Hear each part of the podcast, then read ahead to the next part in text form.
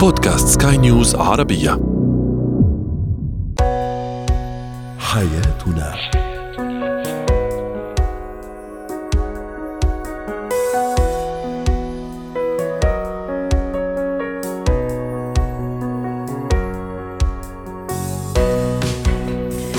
مستمعينا الكرام أهلا بكم معنا إلى حياتنا. فضاؤكم اليومي الذي يعنى بشؤون الأسرة وباقي الشؤون الحياتية الأخرى والذي يمكنكم الاستماع إليه عبر منصة سكاي نيوز عربية dot com slash podcast وباقي منصات سكاي نيوز العربيه الأخرى. شاركونا عبر رقم الواتساب 00971 561 ثلاثة. معي أنا آمال شاب. اليوم نتحدث عن الحياة بين الزوجين بين الشريكين في مرحله عمرية معينة وهي سن الشيخوخة. هل يتغير الحب في فترة الشباب؟ عنه. في فترة الشيخوخة سنتعرف على تفاصيل هذا الموضوع. ما هي المهارات التي يحتاجها الطفل للنجاح وما دوري أنا كأب وأم في صقل هذه المهارات؟ وأخيرا كيف أكتشف ذاتي وأسوقها أيضا؟ هو وهي. نسمع وأحيانا نعيش قصص حب دامت لخمسين ستين سنة أحيانا أكثر آه، في الحياة بين الزوجين وبين الشريكين. طبعا لكل مرحلة عمرية خصوصيتها وخصائصها آه، في هذا في, في هذا الحياة الحياة بين الزوجين. اليوم نتحدث عن الحياة في سن الشيخوخة. ما الذي يميزها آه، تحديدا؟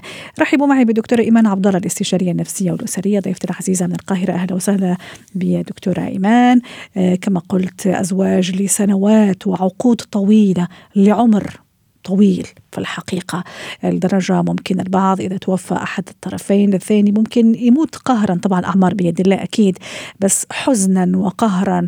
أنه ما يقدر يتحمل هذا البعد وهذا الفراق ممكن والآخر يفارق هذه الحياة. البعض ممكن لا يقول لك أنا بعد فترة بعد ما ربيت أولادي هي فرصة نتقرب لبعض أكثر فرصة ممكن نسافر فرصة لنعمل أشياء مش ما كنا قادرين نعملها وحنا صغار بسبب ظروف الحياة وما إلى ذلك. في أشخاص يقول لك لا بالعكس يعني آه، بين قوسين صارت مشاكلنا أكثر ما ندري ليش. آه، شو ممكن نقول على الموضوع؟ ما الذي يميز في الحقيقة الحياة بعد مسار طويل وبعد مسيرة طويلة من الشراكة؟ وجبنا فيها أولاد وكبرناهم وأحفاد ويعني وعملنا مستقبلنا. أهلا بحضرتك أستاذة أمال سهلا. عزيزة والسادة المستمعين وموضوع قيم جدا وكبير وشيق. صح. آه، طبعا في أشياء سلبية في هذه المرحلة آه، لا نغفلها. وهناك الأشياء الإيجابية ولكن الأشياء الإيجابية التي تحدث في هذه المرحلة بيكون مخطط لها من قبل الشريكين منذ فترة قديمة يعني في. بدايتهم هم عارفين لكل مرحلة هيستقبلوها إزاي لأن إحنا كأعمار أو كنمو نفسي لكل مرحلة لها صفاتها فهذه الصفات تحمل في طياتها الإيجابية والسلبية ولكن الأكثر بتتوقف على طريقة التعامل والتخطيط لها فإن كان هناك زوجين بيحبوا بعض أنا أحب أقول لهم إنه الحب بيزيد في هذه المرحلة إن كان بينهم حب سابق ليه؟ لأنه في هذه المرحلة تزداد بعض الهرمونات لدى الرجال ولدى النساء فبيعمل ما بينهم تقارب جسدي وأيضا تقارب عاطفي ففي تلقائية شديدة جدا في التعامل بينهم. آه هناك من هناك العكس بقى. إحنا هنبدأ بالإيجابيات الأول. نعم. آه، في عوامل معرفية بتتغير آه، لدى الشريكين في هذا السن فبنعمل لهم حكاية تحفيز عقلي ليهم بالأنشطة اللي بيعملوها معا. خلي بالك إنه دايما الشريكين المتعاونين منذ حياتهم الزوجية في ال- ال- السنوات الأولى دول بيبقوا حياة شيخوخة ناجحة وإيجابية. ليه؟ لأن هم بيعملوا أنشطة مع بعض آه، قراءة مع بعض آه، ممكن يتسوقوا مع بعض. فهنا العوامل المعرفية لا تؤثر في آه، في سن الشيخوخة للإيجابيين. ان. هم بيمارسوا بعض الأشياء وبيستمروا عليها. أما اللي بيعمل لي مشكلة وهو الناس التي لا تخطط لهذه المرحلة. دي بتعمل لهم نوع من أنواع الانتكاسة والانعزالية ومشاحنات على الكبيرة والصغيرة آه. والسيطرة والانتقاد وأحيانا الاكتئاب وبعض الاضطرابات النفسية لأن هو اتفاجئ بهذه الحياة أها. ليست كانت في مخيلته إنه يخطط ليها واحيانا الانتقام كمان دكتورة إيمان لسنوات ممكن بالنسبة له ما كانت كويسة كانت مريرة شريك ما عملوا فيها كويس أحيانا تكون كذا حتى حقيقي. من الانتقام دكتورة المجتمع هون بتتصوري عنده دور مثلا في بعض المجتمعات فعلا بنلاقي يعني ممكن هو عمره 80 هي 75 أكثر شوي أقل شوي فعلا عم يستمتعوا بحياتهم. هذه عادة نشوفوها مثلا في المجتمعات الغربية عرفتي كيف؟ آه بعد خلص الأولاد كبروا والأحفاد كبروا آه عندهم هذا الراتب التقاعدي ويلا يعني سفر من دولة لدولة اكتشاف ومدري إيش في مجتمعات أخرى لا ممكن في ثقافة العيب طيب شو راح يقولوا علي أولادي؟ شو راح يقولوا علي أحفادي؟ آه بتلاقيها هي منعزلة كذا ماخذه يعني كورنر يمكن مع بناتها هو كمان ممكن مع أولاده وأحفاده وعايشين يعني في, عزلة وانعزالية. ثقافة العيب شو راح يقولوا؟ ما حنا كبرنا. آه، لا أنا دايما أحفز آه، هذه الفئة واي فئة إنها تعمل ما لذ وطاب آه، يعني ويكون مناسب لحياتها. لأنه أنا لو كنت في سن الشيخوخة وعندي اكتئاب مفيش حد يقدر يعالجهولي. عندي قلق محدش يقدر يعالجهولي وحدة شديدة وانعزالية شديدة حتى الموت محدش يقدر يعالجه. لأن الاضطرابات النفسية في هذا السن شديدة جدا وتأثيرها قوي جدا. فإحنا بنقول إن حتى عندنا في علم النفس في حاجة اسمها فقدان المكانة الاجتماعية. فقدان المكانة الاجتماعية يعوضها إيه؟ إن أنا أحط أهداف. أهدافي دي قد تكون رحلة ترويحية ما بيني وما بين الشريك أو أي حد أعرفه حتى لو صديق لو شريكي متوفي. آه إن أنا أخرج للصلاة والعبادة إن أنا أعمل عمليات عملية المديتيشن إنه آه أبدأ أبعد عن ثقافة العيب طالما هو مش عيب. يا جماعة العيب ما هو إلا عيب لكن أنا بعيش حياتي بحياة كريمة حياة إن أنا أستعيد فيها قوايا تاني مش مهم. يعني دايما أنا بقول آه إنه حتى عندنا مثلا هنا في مصر يقول لك تعز الولد ولد الولد. صح. ليه؟ لأن أنا عندي فراغ إن أنا أستمتع بهذه المشاعر وأدير مشاعري مرة أخرى وأستكشف ذاتي. هذا السن حلاوته في استكشافه. حلاوته في استكشافه. رائع. وأكيد يعني ده وحلاوته دكتوره آه. إيمان إنه خلص صارت عندهم خبرات كبيرة وتجارب كبيرة. فأكيد يعني أخطاء الأمس ممكن ما راح نرجع نعيدها اليوم لأنه تعلمنا وصرنا يعني ما شاء الله يعني كبرنا في العمر وفي التجارب وفي علاقتنا مع بعضنا البعض مع شريكي مع زوجي مع زوجتي. ففعلا المفروض الاستمتاع يعني يكون يعني فعلا يعني آه، يعني جدا إيجابي وليش لا؟ يعني هذا لا يمنع أنه ممكن استمتع كمان مع أولادي مع أحفادي مع أصدقائي مع صديقاتي مع جيراني.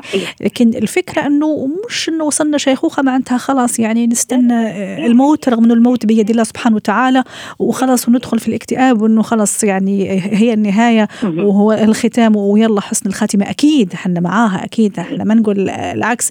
تفضلتي حضرتك يعني آه، عبادات روحانيات آه، هذا الشيء مفروغ منه. لكن بالموازاة يعني الأشياء اللي ممكن ترفه للشخص. ليه لا؟ طبعا طبعا. هو في إجابة لسؤال حضرتك جميلة جدا. إن أنا بقول لكل حد في السن ده اسأل نفسك السؤال ده وأنا كل مرة اديهم واجب كده. ما المهم بالنسبة ليا؟ طب وما المفروض إن أنا أعمله؟ من أجله. المهم ليا إن أنا أقرأ؟ المهم ليا إن أنا أتعبد؟ المهم ليا إن أنا أستمتع؟ فلو كتب إيه المهم عنده وأعمل إيه عشان أوصل له مش هنعيش في المشاكل دي كلها. بلس إعادة اكتشاف الذات. في حاجة فنية هديها لهم واجب كمان اسمه فنية اليوم الجميل. اكتب أنت هتعمل إيه من الصبح لغاية بالليل كل يوم. مم. هنزل أشتري جرائد هتمشى شوية في النادي هكلم أصدقائي هعمل زيارة لأبنائي هعمل أنا وزوجتي حاجة كذا هنزل أتمشى شوية. في حاجة برضو بديها لهم هي طبية ونفسية في نفس الوقت إن معظم ال ال ال يعني أعمار الشيخوخة عندهم أمراض مزمنة. تمام؟ فدايما إحنا بنوصف حتى أو بندي إرشاد إنه أصحاب الأمراض المزمنة لابد من المشي. أنا مش بقول له ينزل يلعب جيم كمان. المشي لأنه أدوية الأمراض المزمنة بتعمل مشاكل نفسية وأيضا بتعمل مشاكل جسدية أخرى ومضاعفة. شوفي دكتورة إيمان آخر شيء إنه نحن كأولادهم شوية يعني مقصرين في الموضوع يعني مش منتبهين لهالنقطه يعني ليش لا ممكن ننبههم مرة واثنين وثلاثة؟ آه، يعني إنه جو هيد اطلع أنت مثلا أنت وماما اطلع اطلع أنت وبابا مثلا غيروا جو واعملوا كذا. ممكن نحن نحجز لهم عرفتي كيف؟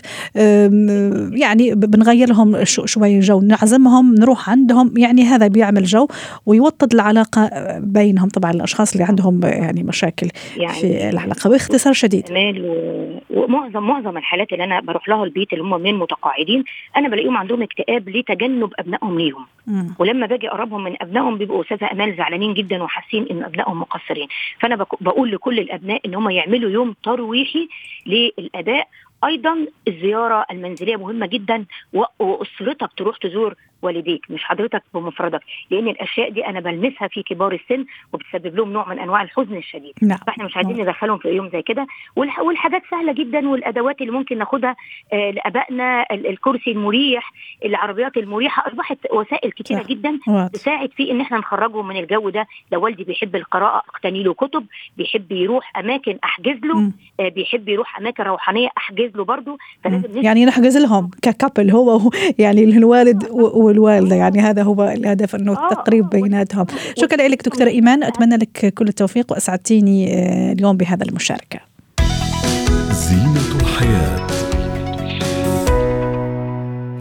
شو المهارات اللي يحتاجها الطفل لينجح في حياته؟ أول شيء في مدرسته، في محيطه، علاقاته الاجتماعية يعني على اللي تكون على قده طبعا في حسب مراحله العمرية، ثم يحتاج هذه المهارات يعني آه، في الأعوام المقبلة. رحبوا معي بميرنا عسيران الخبيرة التربوية ضيفتنا من بيروت، أهلا وسهلا بالأستاذة ميرنا. ما هي المهارات اللي يحتاجها الطفل للنجاح؟ وهل فعلا الطفل حتى وهو في سن صغيرة يحتاج لمجموعة من المهارات. هذه المهارات هل يجب مثلا أنها آه، تجدد كل مرة؟ آه، ممكن يعاد النظر فيها؟ لأنه المجتمع يتغير متطلبات المجتمع تتغير الحياة كمان تتغير.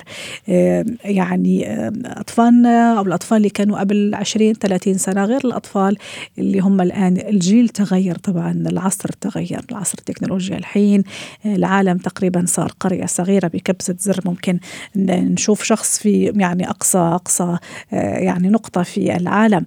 فمهارات التواصل مثلا هل هي مهمة ضرورية في مثل هذا الموضوع؟ هل هي من المهارات اللي يحتاجها ال- الطفل؟ مثلا المهارات الرقمية كمان. زمان الواحد ما كان كثير يركز عليها أو ممكن يركز عليها بشكل مش كبير لكن الحين المهارات الرقمية تعتبر من أبرز المهارات يعني اللي الإنسان أو الشخص الآن كآباء وأمهات نحرص على أنه فعلا آه، نلقنها لأطفالنا نرحب معي مرة أخرى ترجع لأن ميرنا عسيران الخبيرة التربوية ضيفتنا من بيروت لتحدثنا عن هذا الموضوع. موضوع آه، مهارات يجب أن يتعلمها الأبناء. وكمان دورنا آه، كآباء في تعزيز هذه المهارات. ممكن أنا مهارة آه، بشوفها أنه آه، مش كثير مهمة لأني ما كثير مطلع كأب وأم آه، على رغبات ابني على شخصيته على مزاجه لكن في الحقيقة هي جدا مهمة هذه المهارة. فالفكرة في الموضوع آه، كمان بناء جسر تواصل الاطلاع على احتياجات طفلي من الأشياء ال- الجدا ضرورية. للتعرف على احتياجات آه، الطفل. وهل أيضا المرحلة العمرية المرحلة السن ال- آه، ضروري لأنه ممكن المهارات اللي يحتاجها طفلي في عمر سنتين أو ثلاث سنوات غير المهارات آه، اللي يحتاجها طفلي مثلا في خمس أو ست سنوات؟ تجديد المهارة الاطلاع أيضا على كل ما هو آه، جديد آه، ف آه، يعني هذا موضوع جدا مهم. نحاول انه نناقشه مع ميرنا عسيران ضيفتنا من بيروت.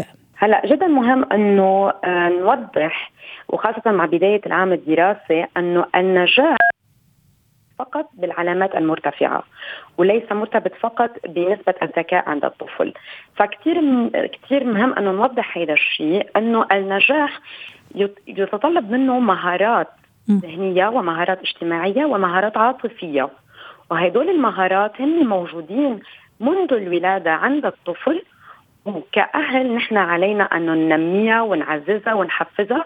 تنوصل لنجاح إن كان على الصعيد الدراسي الأكاديمي أما على صعيد الحياة في المستقبل. من هالمهارات. عندنا المهارات الذهنية. يعني لما نقول مهارات ذهنية عم نحكي عن الذاكرة عم نحكي عن التركيز عم نحكي عن الحفظ عم نحكي عن الحب المعرفة. الاطلاع في عنا الحشرية الإيجابية اللي هي أنه الطفل بحب يسأل بحب يعرف آه بحب يطلع هدول كتير مهم أنه نحن كأهل ننميهم لحتى عنده هيدي المهارة. آه من المهارات كمان المهمة هي مهارات التواصل مهارات الحوار ومهارات النقاش. جميل. كمان لو نحن بداية من بداية عمره للطفل بننميهم كمان هذه مهارة آه، جدا مفيدة للنجاح إن كان بالمدرسة أو إن كان على الصعيد آه، الوظيفة أو بصعيد على صعيد الحياة ككل. ميرنا كنت أتساءل قبل شوي إنه هل المهارات هذه تختلف حسب المرحلة العمرية هذا اولا ثم أحيانا أنا كأم ما أعرف يعني المهارة اللي لازم أو ممكن مش كثير معطيت لها أهمية فبالتالي الاطلاع على رغبات ابني احتياجاته مزاجه شخصيته كمان أتصور هذه قد تكون بوصلة توجهني إلى حد ما بالمهارات اللي لازم يتعلمها طفلي. هي في مهارات أساسية لازم نحن نبني عليها الأسس اللي هي اللي كنا عم نقولها إنه مهارات التواصل اللي هي كثير مهمة، يعني الطفل إذا فات على المدرسة ما بيقدر يعبر عن احتياجاته أو إذا كان بالصف ما بيقدر يطلب من الأستاذ إعادة شرح موضوع مهم ما فهم عليه هون آه بالتقدم وبالنجاح. في عنا كمان المهارة اللي هي الإدارة الذاتية والتنظيم. يعني أنا كأم لازم أعرف إنه هدول القصص أو الأم أو البي عم نحكي عن الوالدين إنه هدول قصص موجودة بالطفل هي من وقت ما خلق نحن علينا ننميها. يعني لازم كمان نعزز الثقه بالنفس يعني لما أشوف طفلة ما عنده ثقه بالنفس أو وقت الامتحانات وقت الاختبارات عنده نوع من القلق نوع من التوتر هون نقدر نلاحظه على الطفل. هيدي كمان نوع من المهارات. أنا بدي نميها عند طفلي بدي خليه يضبط نفسه وقت الامتحانات وقت الاختبارات ونخل وننمي فيه ثقة بالنفس لحتى يقدر آه، يكفي. مشواره الأكاديمي بكل ثقة وبكل بكل صبر إذا فينا نقول إذا بكل ضبط للنفس. نعم. نعم. هون نحن بنقدر نراقب طفلنا. بهدول آه، قلق أو بيكون في ضغط. شكرا لك استاذه ميرنا عسيران الخبيره التربويه ضيفتي من بيروت. مهارات الحياة. اليوم في مهارات الحياة نتحدث عن اكتشاف الذات وهل هذا كافي؟ بس أكتشف ذاتي ولا لا؟ أسوق بعد ما أكتشف ذاتي. رحبوا معي بفتن سلامة مدربة مهارات حياة. سعد أوقاتك أستاذة فتن أتصور تسويق الذات يعني في نفس الأهمية لاكتشافها لكن في البداية خليني أعرف معك كيف أكتشف ذاتي؟ على كل المستمعين وخلينا نبدأ بالمثل الصيني الشهير من الحكمة معرفتك بالآخرين ولكن من النور معرفتك بنفسك أو اكتشافك لنفسك. يا سلام. آه, آه، الفرق بين الاكتشاف والتسويق أو أهمية مين بيجي الأول البيضة ولا الفرخة؟ طب خلينا نعرف إيه الاكتشاف. الاكتشاف يعني آه ببساطة أعرف يعني إيه معتقداتي، إيه هي قيمي، إيه هي نقاط ضعفي ونقاط قوتي ومشاعري وإيه الحاجات اللي أنا بقدر أعملها ما بقدرش أعملها. في ناس ما بتعرفش ده أكتر من 75% من الناس اللي بيجوا لنا المحاضرات وال classroom والورش ما بنيجي نديهم اختبارات أو ال psychometric test عشان يعرفوا نفسهم بيكونوا آه فعلا آه متفاجئين بالنتيجة لأن إحنا مع الضغط اللي الحياة فيه بقينا عايشين على ال auto pilot بنعمل كل حاجة كل يوم بنفس الطريقة فبننسى إحنا ذاتنا الحقيقية إيه هي وبنبقى عايشين في كيان حاجة تانية مش الحاجة الحقيقية اللي جوايا بكون عايش في self alienation أو عزلة نفسية. إيه أهمية اكتشافي لذاتي؟ دي حاجة بتعزز من ثقتي بنفسي. مش هتأثر بسهولة بآراء الناس هي هتكون أنا هكون عارف بعمل إيه وما بعملش إيه أو بقدر أعمل إيه وما بقدرش أعمل إيه فبالتالي هكون عارف إيه اللي أنا هنجح فيه. هتبقى حافز لوصولي إلى هدف معين. ومعرفتي بذاتي هي العمود الأساسي في بناء ال EI أو الذكاء العاطفي أو ال emotional intelligence المصطلح اللي ناس كتيرة جدا اتكلمت عنه ولكن هو باختصار يعني إيه أقدر ادير مشاعري وردود أفعالي وأقول إيه إمتى وأفتكر إن دي حاجة مهمة جدا مش هوصل لها غير لما أعرف أكتشف ذاتي. رائع. إذا آه، فاتن كيف كذا بنقاط محددة وسريعة؟ كيف يعني أعمل على اكتشاف الذات وبعدين نروح لا مو فقط اكتشفتها كمان أسوق. طيب آه، علشان أكتشف آه، علشان أكتشف ذاتي لازم أنا أخصص وقت أول حاجة لنفسي أخصص وقت لنفسي إن أنا أعمل إيه؟ إن أنا يعني على على على مدار اليوم أعرف إيه أنا إيه الحاجات اللي أنا بحبها وأعملها كل يوم. إيه الحاجات اللي أنا ما, ما بحبهاش وأتجنبها؟ هناك العديد من الاختبارات الشخصية اللي موجودة على الإنترنت بكثرة. الإنترنت اللي إحنا بنسيء استخدامه على مواقع التواصل الاجتماعي. إحنا ممكن نعمل ايا من ال psychometric test أو الاختبارات الشخصية عشان أقدر أتوصل أفهم أعرف نفسي. يبقى الاختبار الشخصي ده آه وهل الاختبار فعلا يعني موضوعي. آه في أنا من نفسي يعني أنا كأمال يعني شخص يعني مش متخصص إني فعلا أقدر. نعم. عجبني سؤال أنا عجبني سؤال جدا هل هو موضوعي أو لأ؟ هو موضوعي على على حسب درجة صدقك مع نفسك. يعني أنت أمال هبعت لك لينك دلوقتي تعملي اختبار ايا كان. هل أنت هتكذبي على نفسك؟ أنت عايزة تعرفي نفسك كمان فهل ده ده من الشروط اللي إحنا بنتكلم عنها؟ الصدق والصراحة في إجابتك على الأسئلة هي اللي هتديكي اكتشاف ذات واضحة بعيدة عن التقمص وبعيدة عن إن أنت بتقلدي شخص آخر. مم. بتبقي عايزة توصلي أنت عايزة توصلي أمال. أنت عايزة توصلي الأمال هي جواها إيه؟ هي ذاتها إيه؟ فبالتالي الاختبار الشخصي ال SWOT analysis اللي الناس كتير بتعملها للشركات اللي هي اختصارا نقاط طيب. ضعف ونقاط قوة والفرص م. وما يهددني. ده أنا أعمله لنفسي جاي. الأول عشان أقدر أصل. جميل. طيب نقطة أخرى باختصار فتره الوقت يداهمنا التدوين اليومي التدوين م. اليومي ادون إيه الحاجات اللي أنا عملتها النهارده. آه تمام دي حاجة بتؤثر عليا ايجابيا وايه الحاجات اللي أنا عملتها برضو بتؤثر عليا سلبيا أو بتضيع وقتي علشان أتجنبها. يعني لما هكتب اليوم التاني هشوفها مكتوبة فهتجنب عملها.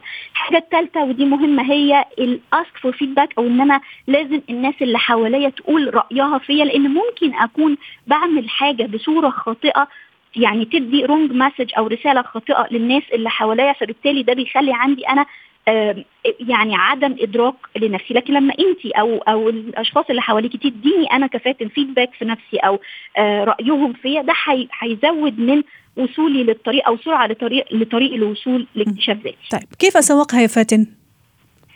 طيب أنا هسوق لنفسي على حسب مجالي. هناك العديد من الأشخاص حاليا ويمكن كلنا دلوقتي عندنا social media كلنا عندنا profiles على انستجرام وفيسبوك وتيك توك وتويتر مهم قوي إن أنا أسوق للصورة الحقيقية. الحقيقية بقول تاني الحقيقية الصورة اللي أنا اللي مش بس يعني عارفة اللي دايما في ناس تقول لك ما حدش بيصور خيبته. يا جماعة ما بقولش الخيبة أنا بقول الحقيقة. اللي هي أنا نجحت في شيء وأخفقت في شيء آخر. يبقى استخدام ال social media بالصورة الحقيقية. طيب. كمان باختصار. مهم جدا.